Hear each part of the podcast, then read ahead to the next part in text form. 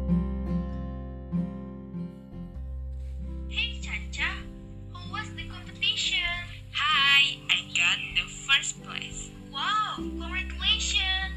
Thank you, Lala.